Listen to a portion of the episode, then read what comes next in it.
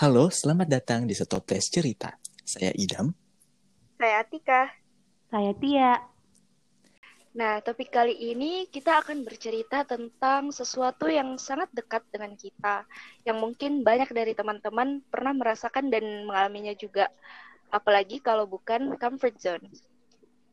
Sesuai judulnya, ayo keluar. Selain cerita tentang comfort zone, kita juga mau mengencourage teman-teman untuk yuk keluar dari comfort zone kita. Nah, sekali ini kita nggak cuma bertiga aja loh. Kita udah mengundang salah satu teman cerita, yaitu Ica. Hai Ica. Halo Ica. Halo, teman cerita. Halo Ica. Halo. Nah, jadi uh, Ica ini merupakan salah satu teman kelas kami sewaktu SMA. Dan tentu saja menjadi salah satu orang di balik uh, proyek Sotoples Cerita di malam hari. Seperti yang telah Oh. kita ceritakan di episode sebelumnya. Nah, jadi kami memilih Ica Iya. di sini sebagai teman cerita bukan tanpa alasan karena Ica ini dikenal sebagai sosok yang aktif mulai dari pernah menjadi ketua OSIS waktu SMP, pernah mengikuti program pertukaran pelajar ke USA ketika SMA dan baru-baru ini berhasil meraih prestasi sebagai the most inspiring student pada pemilihan mahasiswa berprestasi tingkat universitas tahun 2020 ini. Nah, mungkin Ica mau Oh, memperkenalkan wow, diri lebih jelasnya lagi. Oke, thank you ya. Pertama-tama thank you buat Idam, buat Ika, buat Tia yang udah ngundang saya di episode perdananya nih di Stoples Cerita. Nah, seperti yang tadi eh, Idam, Sartia, dan Tika bilang, kita memang sudah kenal ya sebelumnya. Eh, kebetulan saya itu teman SMA-nya Idam, Tika, Sartia, teman sekelas. To be, to be precise, waktu eh, kembali ke Indonesia setelah program pertukaran pelajar kemarin. Um, saya sendiri sekarang merupakan mahasiswa di hubungan internasional Fakultas Ilmu Sosial dan Ilmu Politik Universitas Hasanuddin. Ya, kalau perkenalannya mungkin i- apalagi ya identitasnya lahir bulan April, nama sudah jelas tertera di namanya ada nama bulannya. Alhamdulillah jelas. Uh, terus uh, suka suka makan, suka memelihara kucing yang sepertinya kebaliknya justru memelihara saya gitu. Iya, bernama Rimpa Kimpa. sudah hilang. Ini udah yang baru lagi. Oh. Nah, beberapa yang saya jelaskan Hmm. tadi itu baru garis besarnya, belum lagi kegiatan-kegiatan yang diikuti oleh Ica. Seperti Hmm. misalnya lomba-lomba, ada juga ke- kegiatan aktivitas sosial lainnya. Nah, jad- menjadi sebagai orang dengan segudang aktivitas, segudang pengalaman, dan tentunya prestasi, sebenarnya apa sih arti comfort zone bagi Ica? Atau jangan-jangan Ica ini nggak kenal comfort zone? Wah, Uh, gimana wah, nih? waduh, waduh, gimana nih? Oke, soal comfort zone ya, menurut saya ini salah satu topik yang begitu menarik ya, karena kayak em, ini sangat relate buat teman-teman semua. Karena ya siapa sih yang nggak pernah kena, nggak pernah dengar sama zona nyaman, dan siapa sih yang nggak pernah menikmati seberapa enaknya ada di zona nyaman itu. Jadi kalau Benar. pertanyaannya tadi, Hmm. apakah Ica tidak pernah merasakan ada kayak there's no such thing as comfort zone? Wah tidak pemirsa, teman cerita ini adalah salah satu um, salah satu apa ya? Coba lihat comfort zone itu sebagai sebuah itu sih kayak tantangan jadi yang harus di uh, harus di overcome. Jadi kayak kalau ditanya apa itu comfort zone, ya menurutku kayak tantangan yang um, kita bakalan kayak game ini bakalan menjadi salah satu apa ya kayak kayak you level up from it gitu. Kayak comfort zone kamu tuh nggak cuman ya kalau kamu di situ aja ya bakalan di situ aja. Tapi kayak menurutku yang idealnya adalah you level up your comfort zone kalau kalau saya sih seperti itu teman cerita. Hmm. Gitu ya, menarik menarik. Hmm. kalau bicara tentang comfort zone Yes. ya, seberapa, sering seberapa sering Ica ini merasa kalau berada di comfort zone. Yang kalau saya sendiri mungkin eh, merasa nyaman sama aktivitas apa suka merasa nyaman sama aktivitas sehari-hari. Kalau Ica Oke, nih? seberapa sering berada di comfort zone menurutku seberapa seringnya itu bakalan bak- bakalan sangat susah diukur karena ya kembali lagi kayak tadi kan saya percaya kalau zone itu bakalan terus bertumbuh gitu dan berkembang. Jadi uh, kayak you decide kayak you are the one yang bisa menentukan sebenarnya bakalan seberapa lama dan seberapa sering berada di comfort zone. Jadi ketika uh, kalau saya sendiri ketika saya merasa ya kan kita bakalan itu ya kayak throughout the time selama kehidupan ini kita bakalan berada di lingkungan baru misalnya berada di jenjang kehidupan yang jauh lebih berbeda daripada jenjang sebelumnya.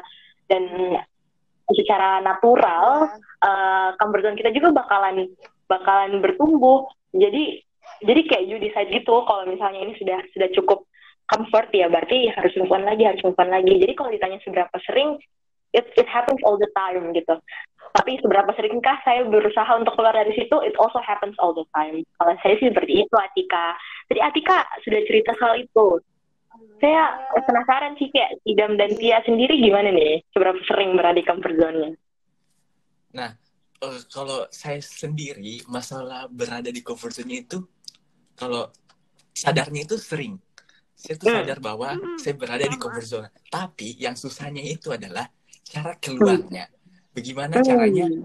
Mungkin memang kita punya tekad yang besar, tapi tekad yang besar tidak cukup untuk uh, keluar jikalau tidak dibarengi dengan uh, aksinya.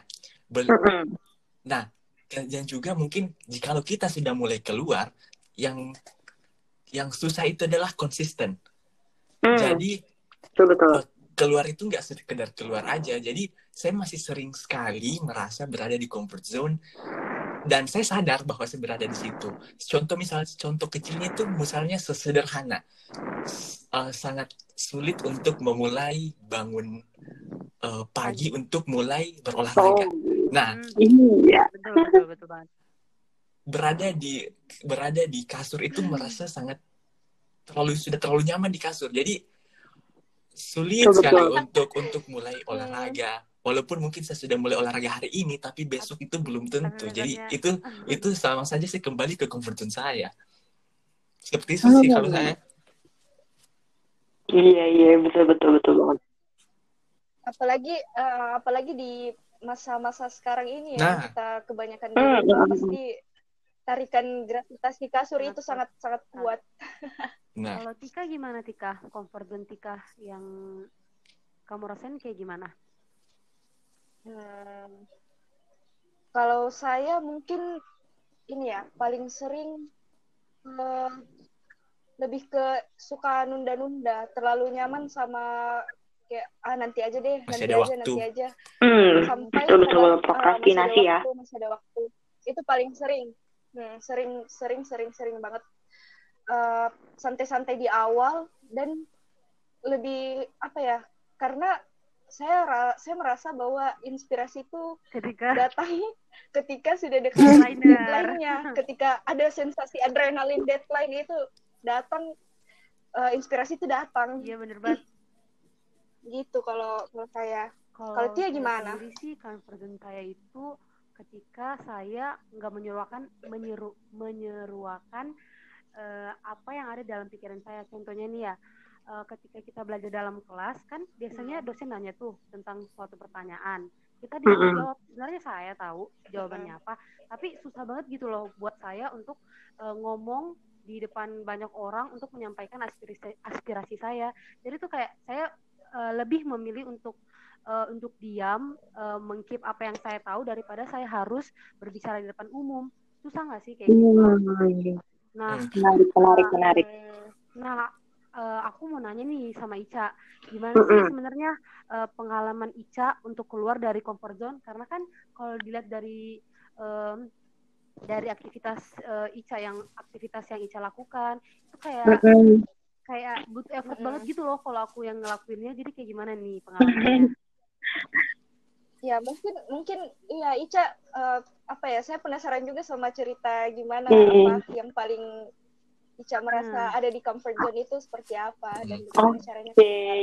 nah ini ya kayak uh, tadi dari tadi ya saya dengar jawaban Atika, jawaban Idem dan Sartia itu memang sangat menggambarkan bagaimana situasi comfort zone itu sendiri. Uh, mungkin kalau teman-teman mau look up teorinya, ya bukan teori juga sih, tapi kayak lebih ke ilustrasi comfort zone itu kayak gimana.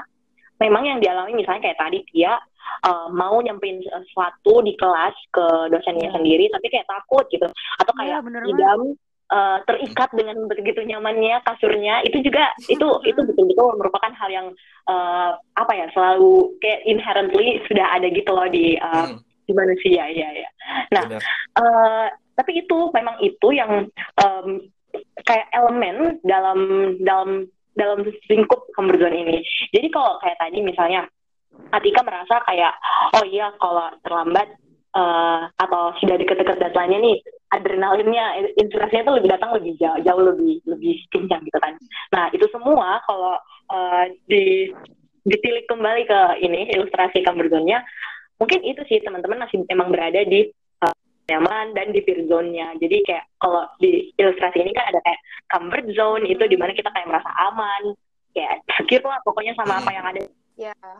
Terjadi di sekitar kita. Terus uh, setelah keluar dari situ, waduh takut, pengennya uh, pengennya nyari-nyari alasan gimana ya caranya aku tidak berada di aku tidak berada di situasi ini, aku tidak mau gitu kan.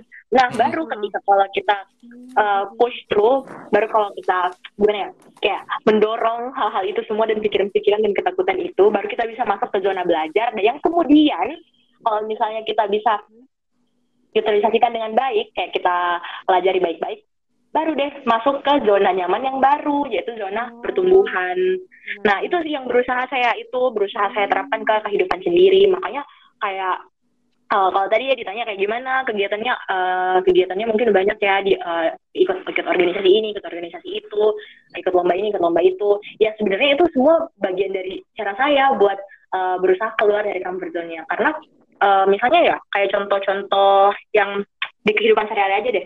Uh, dulu waktu misalnya waktu program pertukaran pelajar, ya kan yeah. sudah jelas ya yang yang ada di kehidupan saya iya. sebelumnya yeah. yang, hmm. yang dan kemudian ada di kehidupan saya saat itu itu sangat berbeda kayak 180 aja berbeda lah kayak soal makan aja beda gitu kan di makan di Makassar dan makanan di Indonesia eh, di Indonesia makanan di Amerika Serikat ya bakalan beda tapi bagaimana caranya saya eh, ya push aja oh ya saya belajar oh ya saya harus uh, harus membiasakan lidah saya misalnya atau uh, perbeda perbedaan sistem pembelajaran waktu itu yang ada di Indonesia dan di uh, Amerika Serikat. Waktu di Indonesia kan kita uh, schedule-nya ya gitu-gitu gimana ya? Ya uh, pembelajarannya itu begitu gradual gitu kan sistemnya. Sementara kalau di Amerika PR tuh PR tuh datang tiap hari. Jadi di situ saya belajar kayak oh iya saya nggak bisa procrastinate lagi nih. Saya mesti kayak nyicil lah setidaknya soalnya PR-nya juga bakalan datang anyway gitu. Jadi uh, itu sih kayak kuliah sekarang dulu waktu SMA saya yakin Atika, Idam dan Tia pernah merasakan bagaimana saya bukan merupakan bintang kelas. pelajaran pelajaran IPA ya it takes a, it takes a lot of time gitu for me to process. Sementara um, di dunia kuliah, apalagi di hubungan internasional, sebenarnya uh, analisa dan riset itu merupakan tools yang paling penting untuk dimiliki mahasiswanya. Nah, jadi makanya nih waktu kayak kuliah, saya udah mulai berani misalnya kayak diajak diajak dosen ikut penelitian iya ayo apakah kita akan menjadi peneliti terbaik di dalam tim itu? Ya ya tentu enggak kan karena ada dosen yang jauh lebih paham jauh lebih lebih mumpuni gitu ilmunya. Ya tapi karena saya ada nekat belajar nekatnya aja nekatnya aja kan yang dibutuhkan dulu modalnya deh nah itu bakalan bakalan hmm. akhirnya uh, gimana ya kayak membentuk kamu untuk kemudian masuk ke zona itu tadi yang saya bilang yaitu zona pertumbuhan ya ya yang di mana kamu bisa kayak bikin goal baru, bikin um, well lebih kenal aja deh sama kayak kesempatan-kesempatan yang baru gitu, peluang-peluang yang baru. Soalnya I believe um, kesempatan itu kayak will lead you kayak another opportunity will lead you to a better one gitu. Jadi kayak misalnya ikut ini, eh tiba-tiba dia ikut ini, tiba-tiba ikut itu, kayak gitu deh bun. Pengalamannya. Jadi menyenangkan kok keluar dari comfort zone. Ayo, ayo. Uh, keluar dari comfort zone bukan Wah. berarti menyiksa diri dengan berbagai berbagai, berbagai effort tetapi bisa mencapai another level. Seperti yang tadi Ica bilang bahwa uh, level up itu. Zone itu level up dan yes, tentunya yes, yes. Uh, kita harus tetap memanfaatkan peluang yang ada nah yeah. jikalau jikalau kita sudah memiliki tekad dan ada peluang nah itu harus dimanfaatkan dengan baik supaya uh, kemampuan kita bisa lebih ditingkatkan dan bisa keluar dari comfort zone dengan uh, gampang. Iya.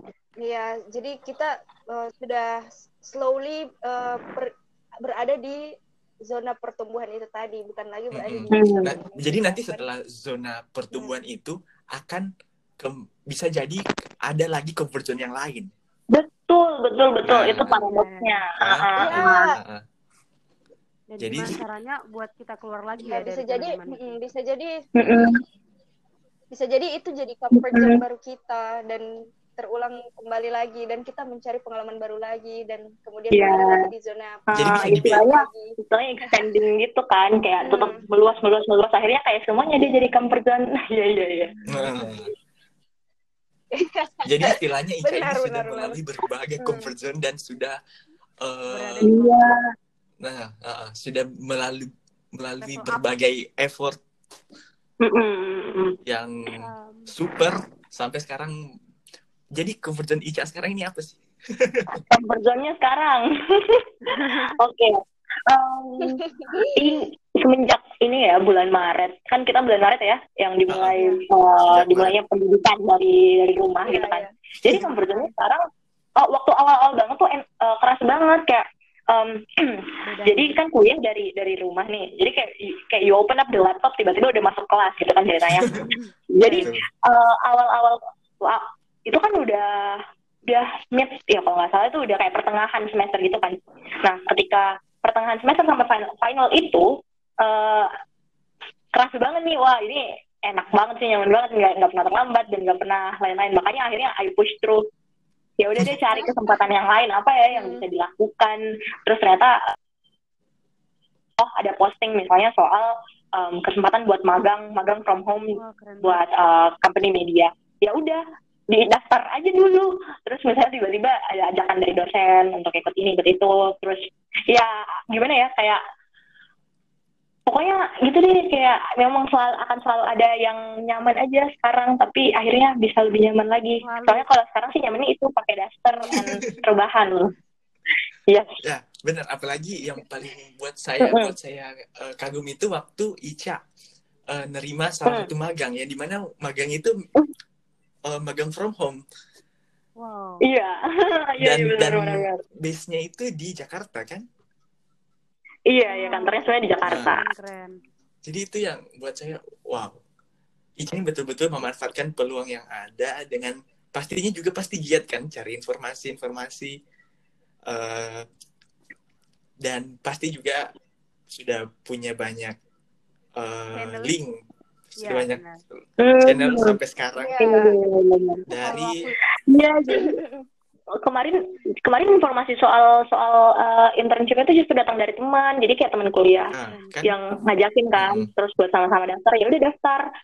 Kayak gitu. Jadi kayak uh, gimana ya kayak once you expand once you expand your comfort zone, kayak pergaulan juga bakalan bertambah gitu kan. Jadi kayak Mm-mm. networking juga bakalan bertambah dan ya gitu kayak bakalan ada pintu-pintu baru yang terbuka aja ya. benar-benar Seperti itu. karena Bang. kita Mm-mm, Soalnya kalau nggak magang kayaknya kemarin saya akan menamatkan game-game lain. Soalnya kemarin udah tamat Insan Aquarium, Feeding Frenzy, selama awal-awal kuliah di rumah. Gitu. bicara tentang ini nih apa uh, learn apa kuliah dari rumah. Kalau kalau saya sendiri malah Sama. kebalikan Mm. awal kan tadi Ica Ica bilang eh, ini ya kayak eh, nyaman kuliah dari rumah nggak nggak perlu terlambat pergi Iya. kampus. Nah tapi hmm, kalau saya sendiri waktu awal-awal eh, kuliah dari rumah itu lebih merasa eh, aduh gimana nih kayak Hmm. kelabakan ya kayak kelabakan gitu kan eh, belum terbiasa Mhm. tapi eh, walaupun sebenarnya sebelum sebelumnya tugas-tugasnya juga udah udah mulai dikumpul online udah ada kayak eh, additional kelas yang online juga tapi lebih ke eh, aduh kapan ya eh, mau cepat-cepat berakhir nih kuliah online Hmm. tapi semakin ke sini kayak makin mau terus kuliah online karena lebih lebih banyak lebih banyak kegiatan yang bisa dilakukan Iya, kalau em, kuliahnya dari Hmm, rumah kayak betul, selain betul. kuliah kita juga bisa melakukan banyak hal dan ini bisa jadi eh, udah jadi kuliah kuliah dari rumah ini bis- udah bisa jadi comfort zone saya saat ini. Hmm. Betul, betul, betul. Tapi Nah, apalagi kemarin kan Eh, waktu awal-awal itu uh, kita bahkan nggak kepikiran kalau misalnya uh, oh ternyata Hmm. ternyata bisa juga ya uh, ber- melakukan berbagai aktivitas ternyata dari rumah aja. Nah bahkan Ica sempat ngemsi dari rumah kan. Iya, MC from home. Nah ngemsi from home aja ada.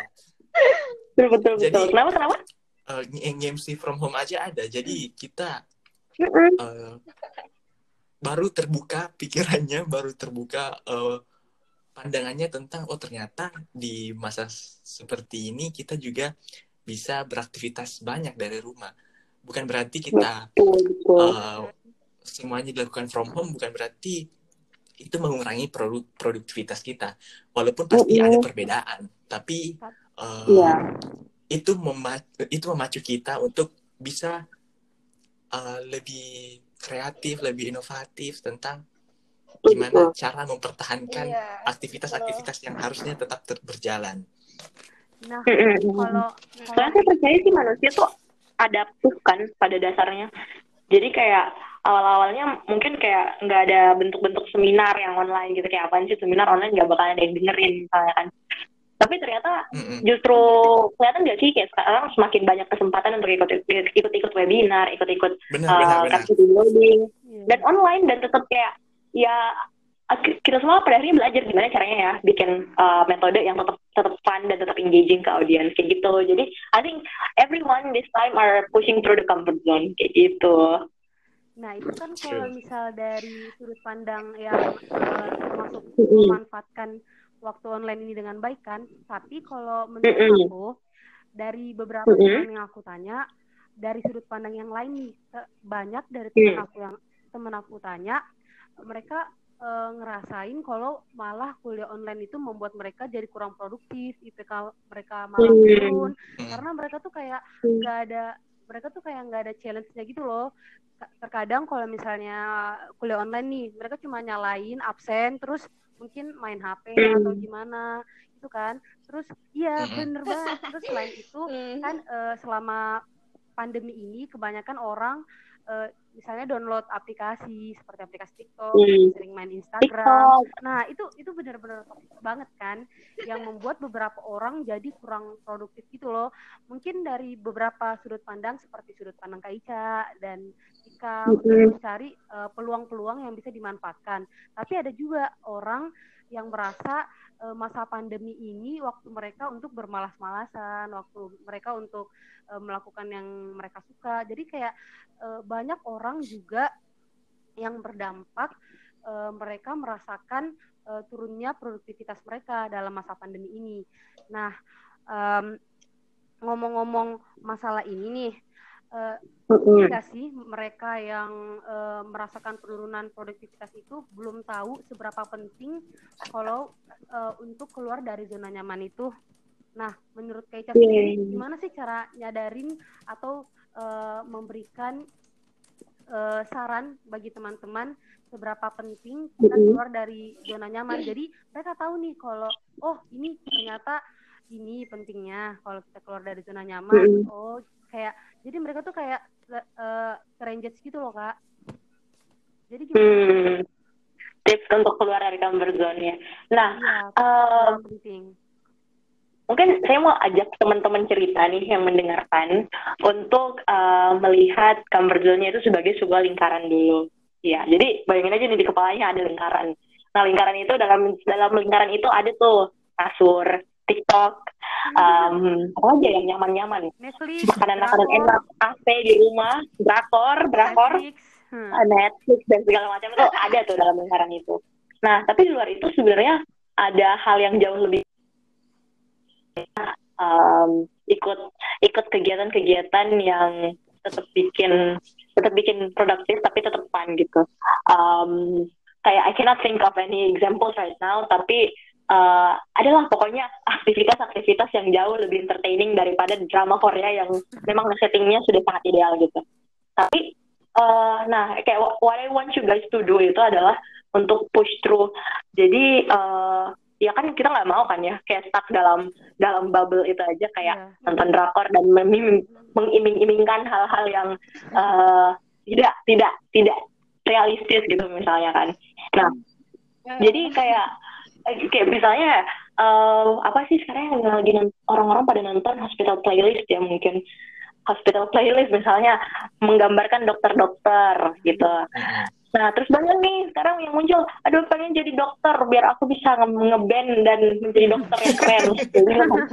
nah, tapi pertanyaannya adalah, pertanyaannya adalah kayak how can you make that happen kalau you spend your kayak most of your time scrolling through your phone dan cuma rebahan. Well, uh, menurutku mau nggak mau di comfort yang teman-teman cerita mungkin sedang berada pada saat itu, ya apa ya ada kesempatan yang bisa bisa bikin membentuk kalian menjadi pribadi yang jauh lebih kaya aja. Jadi uh, that's important sih kayak tuh tuh um, to understand bahwa ada zona-zona lain di luar di luar kenyamanan kita semua. Jadi ya itu kalau dari saya um, misalnya kayak ketemu teman-teman baru ketemu teman-teman uh, ketemu kah atau belajar keahlian-keahlian baru soalnya misalnya ya kayak magang kemarin kan uh, di bagiannya itu memang media partnership. Nah, that's something that uh, that is actually out of my comfort zone. Kayak selama ini mungkin uh, waktu uh, waktu masih kuliah offline ikut kepanitiaan di kampus, mungkin memang aktif dalam kepanitiaan. Tapi kayak apakah saya berada di pada bagian partnership? Enggak.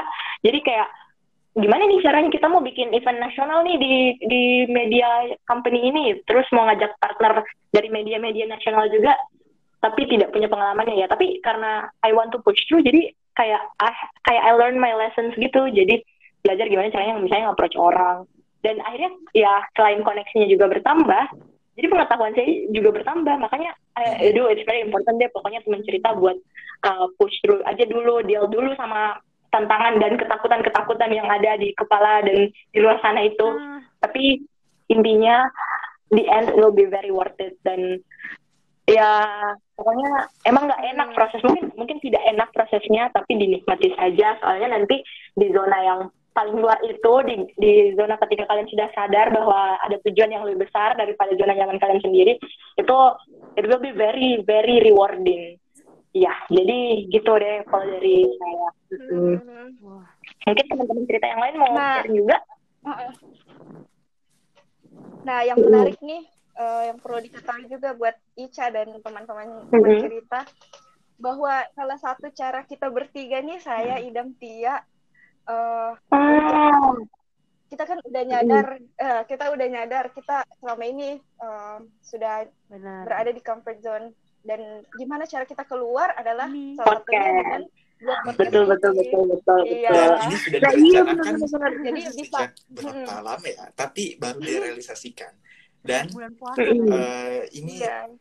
ini harapan kami semoga tidak berhenti sampai beberapa episode saja. Amin. Betul betul betul. Iya, kalau kalau mau tahu kalau mau tahu backstory-nya bisa dengar uh, episode pertama. Episode pertama itu iya. kita udah jelasin. Dan dan uh, se sebenarnya saya juga punya uh, comfort zone yang sama juga dengan Tia tadi yang katanya hmm. uh, sulit untuk mengungkapkan misalnya berbicara hmm. depan orang yeah. banyak secara langsung. Nah, nah. jadi podcast ini nah, merupakan itu, salah satu hmm. wadah saya ya, juga benar. untuk keluar dari comfort zone dengan mengungkapkan apa yang ada dalam pikiran saya uh, tanpa keresahan-keresahan yang uh, misalnya saya lihat secara ya, langsung ya, orangnya kan kalau bicara. Hmm. Jadi, hmm. jadi ini lebih lebih ya, lebih bisa. tenang gitu. Uh, uh, Tidak. Iya, jadi bisa jadi sebenarnya ini wadah kayak kita. jadi wadah wad, bisa jadi wadah kita mungkin juga bagi teman hmm. cerita yang lain nantinya kalau hmm. ada kesempatan bisa juga uh, kita berbincang bareng di sini itu jadi wadah buat apa ya buat berlatih Betul. juga untuk menyampaikan karena kemampuan ya, uh, gimana cara hmm, kemampuan mengekspresikan betul. ide betul, betul, betul, betul, uh, secara langsung banget. Uh, itu cara kita cara kita push uh, out of our comfort push zone. aja hmm. kata Ica. Iya, betul, ya, betul, betul, betul. Iya, jadi uh, that's one thing that I'm really, really uh, seneng gitu kayak denger waktu diajak sama Idam, Tika, dan Tia buat join di podcast ini, wah saya kaget nih, apa nih apa nih podcast tiba-tiba ada podcast yang dibikin oleh teman kelas saya. Nah, jadi ya yeah, props props to you deh guys, kita, kita tepuk tangan virtual dulu.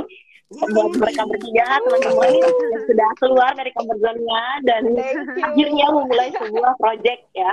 Nah, iya tapi Iya. that's one thing that I want to highlight sih kayak mungkin uh, di- salah satu juga alasan kenapa orang kayak takut untuk keluar dari comfort zone karena yang mereka pikirkan, yang mereka anggap atau mereka labeli sebagai hal-hal produktif itu adalah hal-hal yang besar, yang terlalu Mm-mm. besar untuk mereka uh, untuk mereka overcome. Nah, padahal sebenarnya zone itu hal-hal yang simpel aja. Kayak tadi mungkin Idam bilang mau lebih konsisten olahraga. Nah, sebenarnya kan ya step satu untuk memulai olahraga adalah satu bangun pagi dulu mungkin ya. Ah, ah, Kalau memang mau uh, set waktunya workoutnya di pagi hari. Ya itu itu dulu. Kayak bangunnya aja dulu. Belum jangan jangan jauh-jauh mikirnya kayak tiba-tiba mau jadi body- bodybuilder dalam 30 hari ya. Kan itu itu juga tidak realistis ya teman kita nah jadi uh, kayak bahkan mungkin kayak selama pandemi ini banyak saya yakin juga banyak orang yang keluar dari comfort zone-nya yaitu comfort zone utama para anak muda zaman saat ini adalah misalnya ordering delivery jadi food delivery dikit-dikit Ya. tapi Hmm. yang saya perhatikan adalah sekarang di saat pandemi banyak orang yang misalnya uh, masak masak akhirnya Iya. masak sendiri coba-coba resep sendiri eh tiba-tiba bikin bisnis sendiri nah itu kan juga merupakan sebuah bentuk comfort zone ya untuk keluar dari comfort zone jadi Betul, betul. itu sih kayak mungkin satu ya satu satu tips tambahan lagi adalah kayak don't think coming out of your comfort zone merupakan sebuah hal yang sangat menakutkan karena hanya karena yang di kepala kamu itu hal yang terlalu besar coba dari hal-hal yang kecil aja dulu yang kayak misalnya mau belajar untuk uh, mengemukakan pendapat dengan lebih baik. Ya sudah bikin bicara aja dulu di cermin sendiri. Itu kan juga keluar dari comfort zone-nya untuk meng- mengeluarkan apa yang Ya. ingin diekspresikan. Iya jadi gitu sih. Kalau biasanya nggak usah muluk-muluk deh teman-teman. Ini ini kayak you also have to you also have to um, appreciate yourself even for the smallest things that you do. Gitu teman cerita Wow. Iya. Harusnya kita kasih tepuk tangan dulu sih untuk Ica. tepuk tangan virtual Saya nggak nyangka, saya nggak nyangka eh, pembicaranya bisa sampai ke hmm sedetail dan sedalam ini. uh Iya, kita nggak sia-sia nih ngundang. Ica di episode kali ini. Nggak salah undang. Semoga Nggak salah ngundang. iya, Nah, jadi eh, semoga bisa jadi batu loncatan untuk episode yes yes yes yes Nah, eh, mungkin itu aja ya yang bisa kita sampaikan di podcast kali ini. Nah, jadi saya ucapkan terima kasih kepada Ica Makasih. yang Iya, sudah terima kasih buat teman-teman. sudah Makasih, dengan teman-teman. senang hati, terima kasih sudah eh, dengan senang hati menerima kami dan bersedia menjadi teman cerita untuk topik pertama kita ini yaitu comfort zone. Nah, semoga eh, episode kali ini bisa eh, membantu teman-teman bisa menjadi pengisi hari-hari teman juga Iya, dan bisa ber, intinya bisa bermanfaat dengan da- untuk teman-teman semua. Amin, amin. Iya, yang penting bisa bermanfaat Iya. bagi teman cerita.